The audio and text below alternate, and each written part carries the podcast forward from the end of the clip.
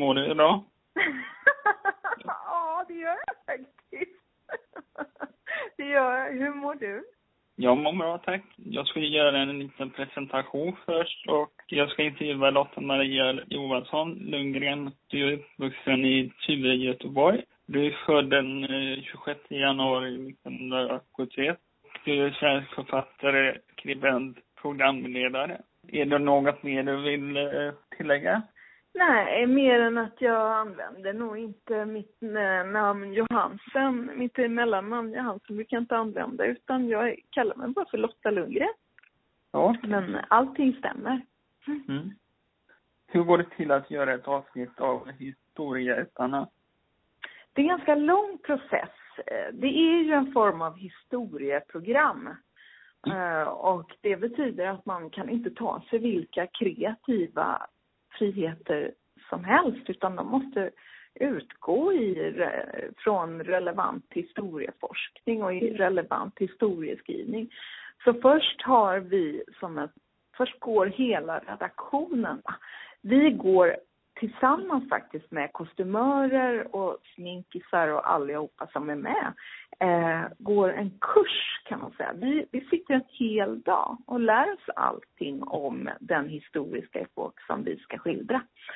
Och under den här kursen eh, så kan man mm. säga att vi plockar ut sju stycken, mellan fem och sju ämnen som vi säger, det här är det viktigaste man ska berätta om man ska prata om den här epoken som kanske är då 1960-talet eller 1500-talet eller vad det nu är. Sen går vi hem på redaktionen eh, och så sätter vi igång forskningen. Det gäller att hitta rätt mat, rätt miljöer, rätt kläder. Men också rätt sysselsättningar, rätt könsroller, rätt samtalsämnen och en massa experter som kan vara med och förmedla detta. Det här tar ungefär eh, fem veckor. Sitter vi bara på ett kontor och skriver stora papper till varandra och mm. försöker dessutom få ihop ett inspelningsschema. Och sen har vi gjort ett inspelningsschema och då, då är det som ett papper med jättemånga punkter där det står allt ifrån prata med Henrik Berggren och så är det tio frågor som vi har förberett och så har vi förintervjuat honom. Mm. Och så har vi bestämt i vilket rum eller på vilken plats vi gör det och om vi äter någonting samtidigt. Och ibland har vi hittat på ett skämt också. Uh, och sen så åker vi iväg en vecka och då lever vi i 60-talet eller 1500-talet eller 1910-talet. Då lever vi strikt. Bara sån mat, bara sån kläder, såna kläder. Jag och Erik alltså. Ja. Så håller det på så hela veckan ut och till slut kommer vi hem med ungefär 20 timmars material filmat som är jättetråkigt att titta på. Då får en kille som heter Rickard sätta sig och klippa bort allting som är tråkigt. Okay. Då återstår ungefär två timmar och då sätter sig vi och så tittar vi noga på det och sen pratar vi i grupp och sen börjar vi klippa och klippa och klippa och till slut är det 57 minuter kvar som vi dessutom har ljudlagt med spikrar och musik och sånt där. Och då blir det ett tv-program som man kan sända. Mm. Visst är det kul? Det låter jätteroligt. Ja, det är skitroligt. Och det ju det blir liksom 57 minuter kvar av, låt säga 22, 25, 26 timmar. Eh, men vi har ju fått vara med om så mycket mer, jag och Erik, ja. under den här veckan. Så man blir, man blir nästan lite förändrad av att leva på det där viset. Ja, det är så annorlunda men ibland märker man att det trivs nästan bättre i den här tiden. Det trivs så himla dåligt. Men det är härligt att låta sig påverkas och det är också mitt jobb som, vårt jobb som programledare i programmet, det är att låta oss svepas med, påverkas på bra och dåliga vis. Har ni funderat på att göra film om historieätarna? Nej, men jag har en annan filmidé, en långfilmsidé som jag skulle vilja utforska. Men den ligger längre fram i tiden och det handlar om, det är ett sorts historieprogram kan man ju säga. Men som i så fall skulle täcka 70 till 90-tal. Uh, gör ni genrep innan ni ska vara historieätarna? Aldrig. Utan det bygger faktiskt på en form av in, improvisationsteater eh, bitvis. Alltså vi går in, sätter oss ner och ser vad som händer egentligen. Det är så där det är. Eh, för så här när man gör vanlig långfilm eller tv-serier som är mer drama, då okay. skriver man ju manus innan och då sitter man ju ofta på ett kontor i sin egen tid och skriver det manuset och hittar på hur det ska vara, hur människorna ska reagera och vad de ska säga. Men vi har kommit fram till att det är faktiskt mycket bättre att ha på sig sin 50-talsklädsel mm. och sin konstiga 50-talsfrisyr och äta 50-talsmaten.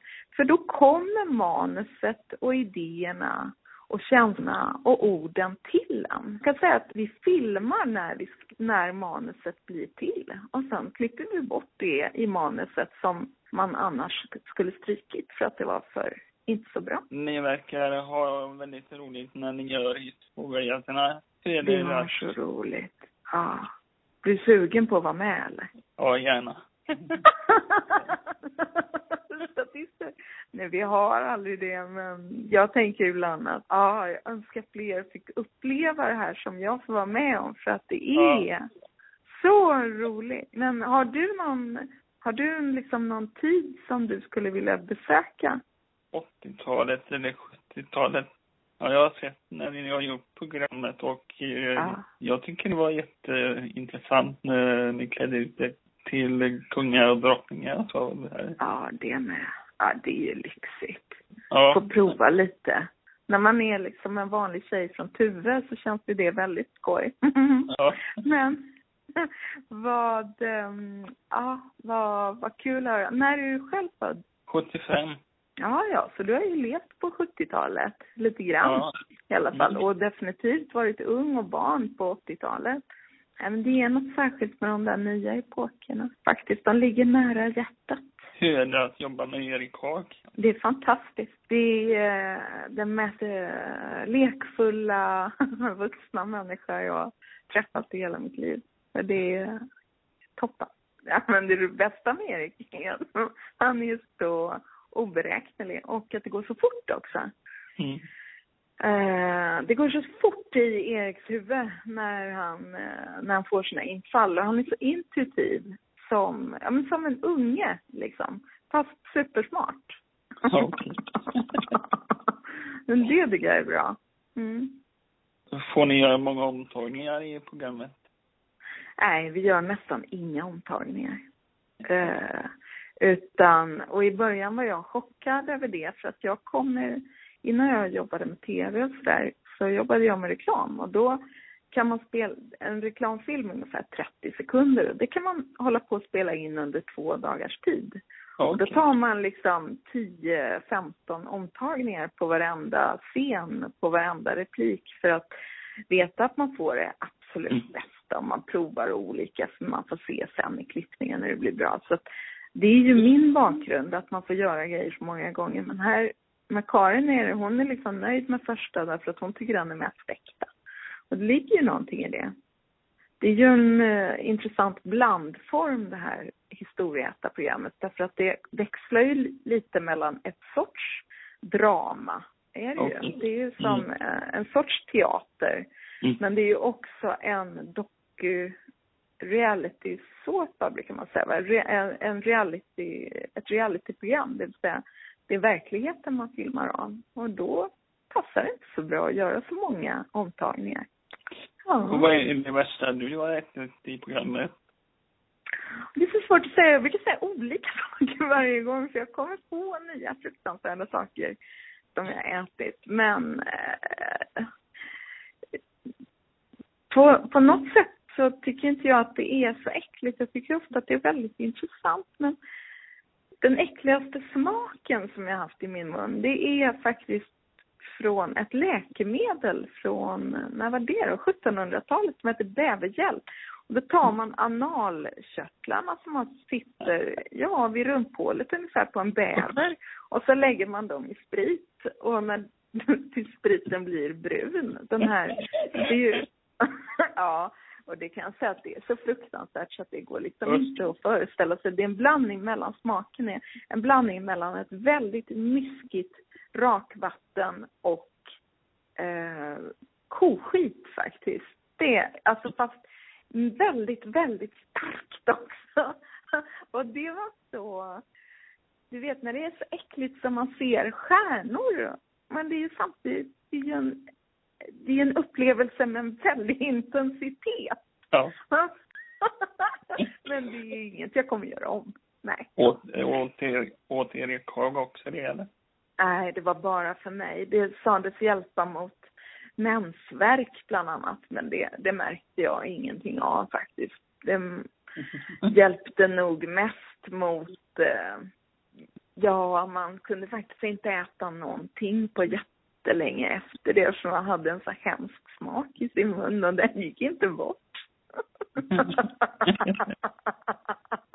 Men man blev liksom pigg. Man får ju nästan du vet, en liten pulshöjning. Hjärtat mm. klappar därför att man blir så chockad av maten. Men eh, annars tycker jag vi åt här på 1500-talet hade de gjort ett bröd som man hade fyllt med massor med småfiskar som såg ut som små ålar och de var helt hela, stora som lillfingrar ungefär. Och de badade ju i någon form av slem, så att det var ju när man öppnade brödet så var det en pöl med slem och i slemmet simmade fisk som man skulle äta hela. Det var också en utmaning för att säga. Mm. Mm. Och vad är det roligaste som hänt när ni spelat in programmet? Nej men jag håller nog, alltså mm. det, jag håller det nog väldigt kärt när jag fick smörja in Erik med två stora salta sillar med en stark senap på mot hans kolera i början av 1800-talet. Det kändes för mig lite som hela mitt liv hade varit en resa mot det ögonblicket. Det var så underbart, faktiskt. Okej. Okay. Det var underbart. Det, det, jag kan inte sätta fingret på vad det var som var så roligt med att smörja en hårig man med senap och sill, men det kändes som man gick över någon slags gräns där för vad man får göra.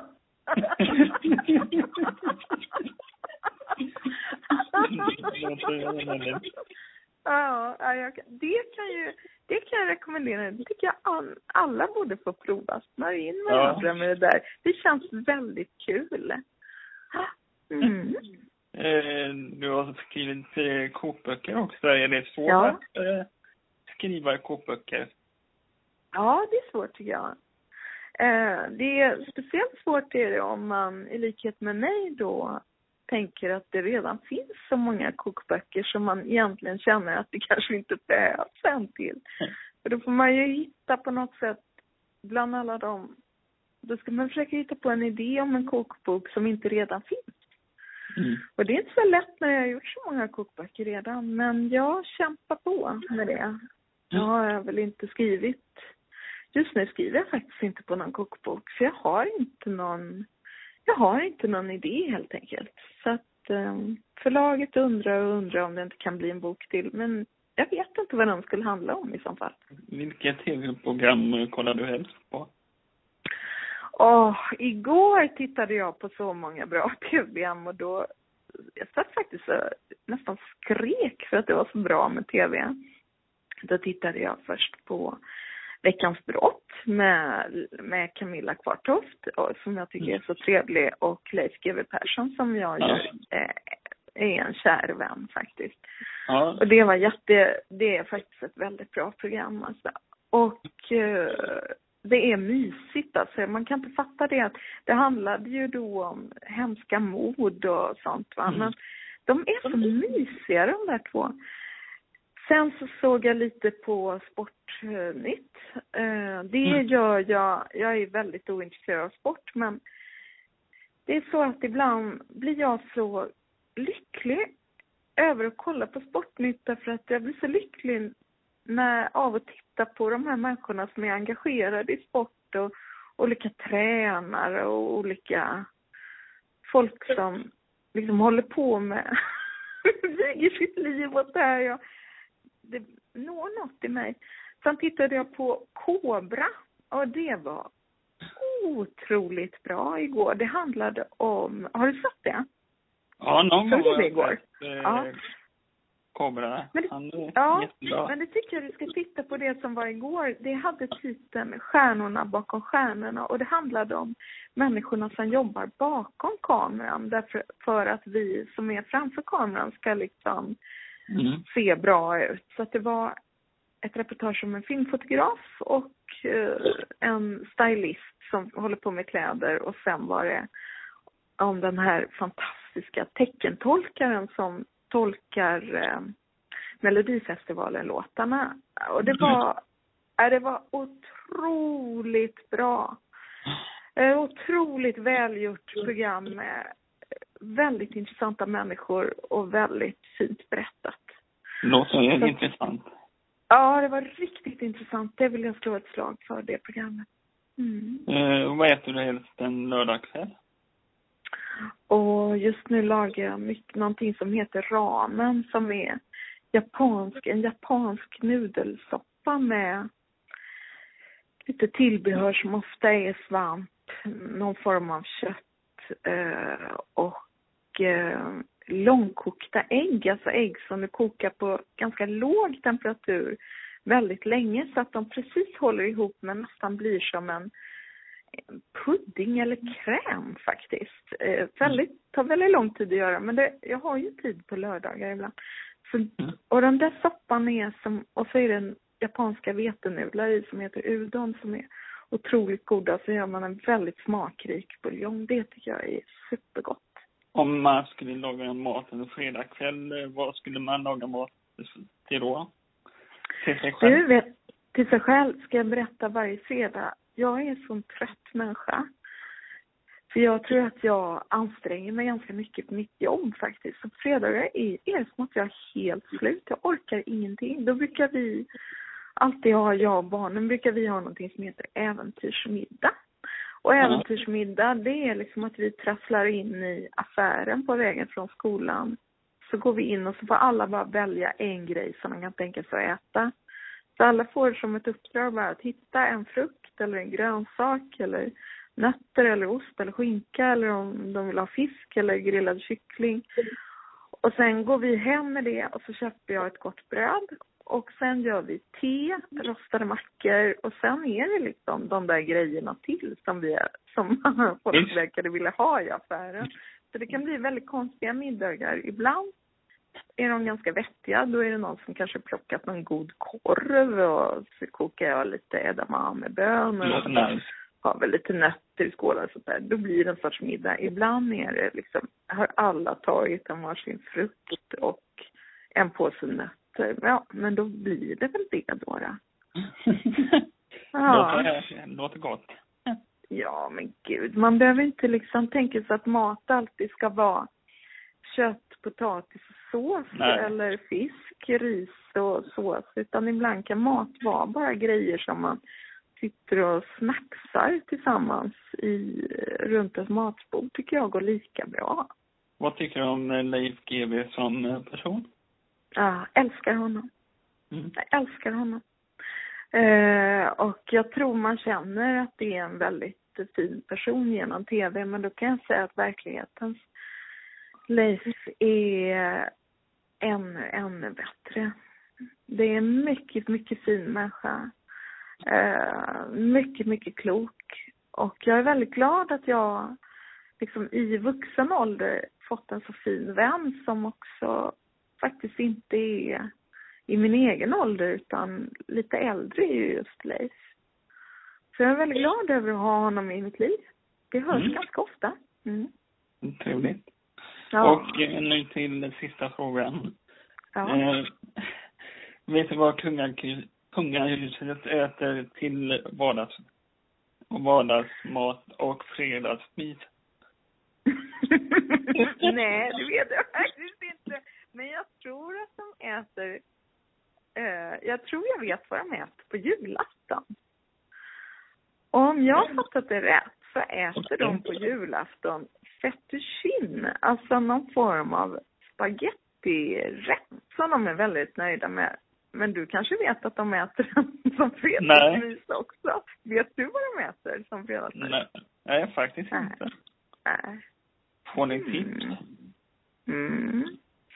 Jag tror de äter ganska gott faktiskt. Ja. Men jag tror inte de äter nu för tiden sådana kungamåltider med, du vet, helstekta djur och bröd med inbakade fiskar och förgyllda hjorthuvuden och sånt roligt som vi får äta i Storgätarna. Utan antagligen är det väl ganska vanlig mat, fast lite flottare eftersom det antagligen är någonting som någon proffsig kokerska har styrt upp. Mm. Då får jag tacka så mycket för denna intervjun och önskar dig lycka till i framtiden. Tack snälla Rara, vad roligt att du ville prata med mig. Ha det bra. Detsamma. Mm. Hej Ha hej. det fin dag. Hej. Ja, du med. Hej.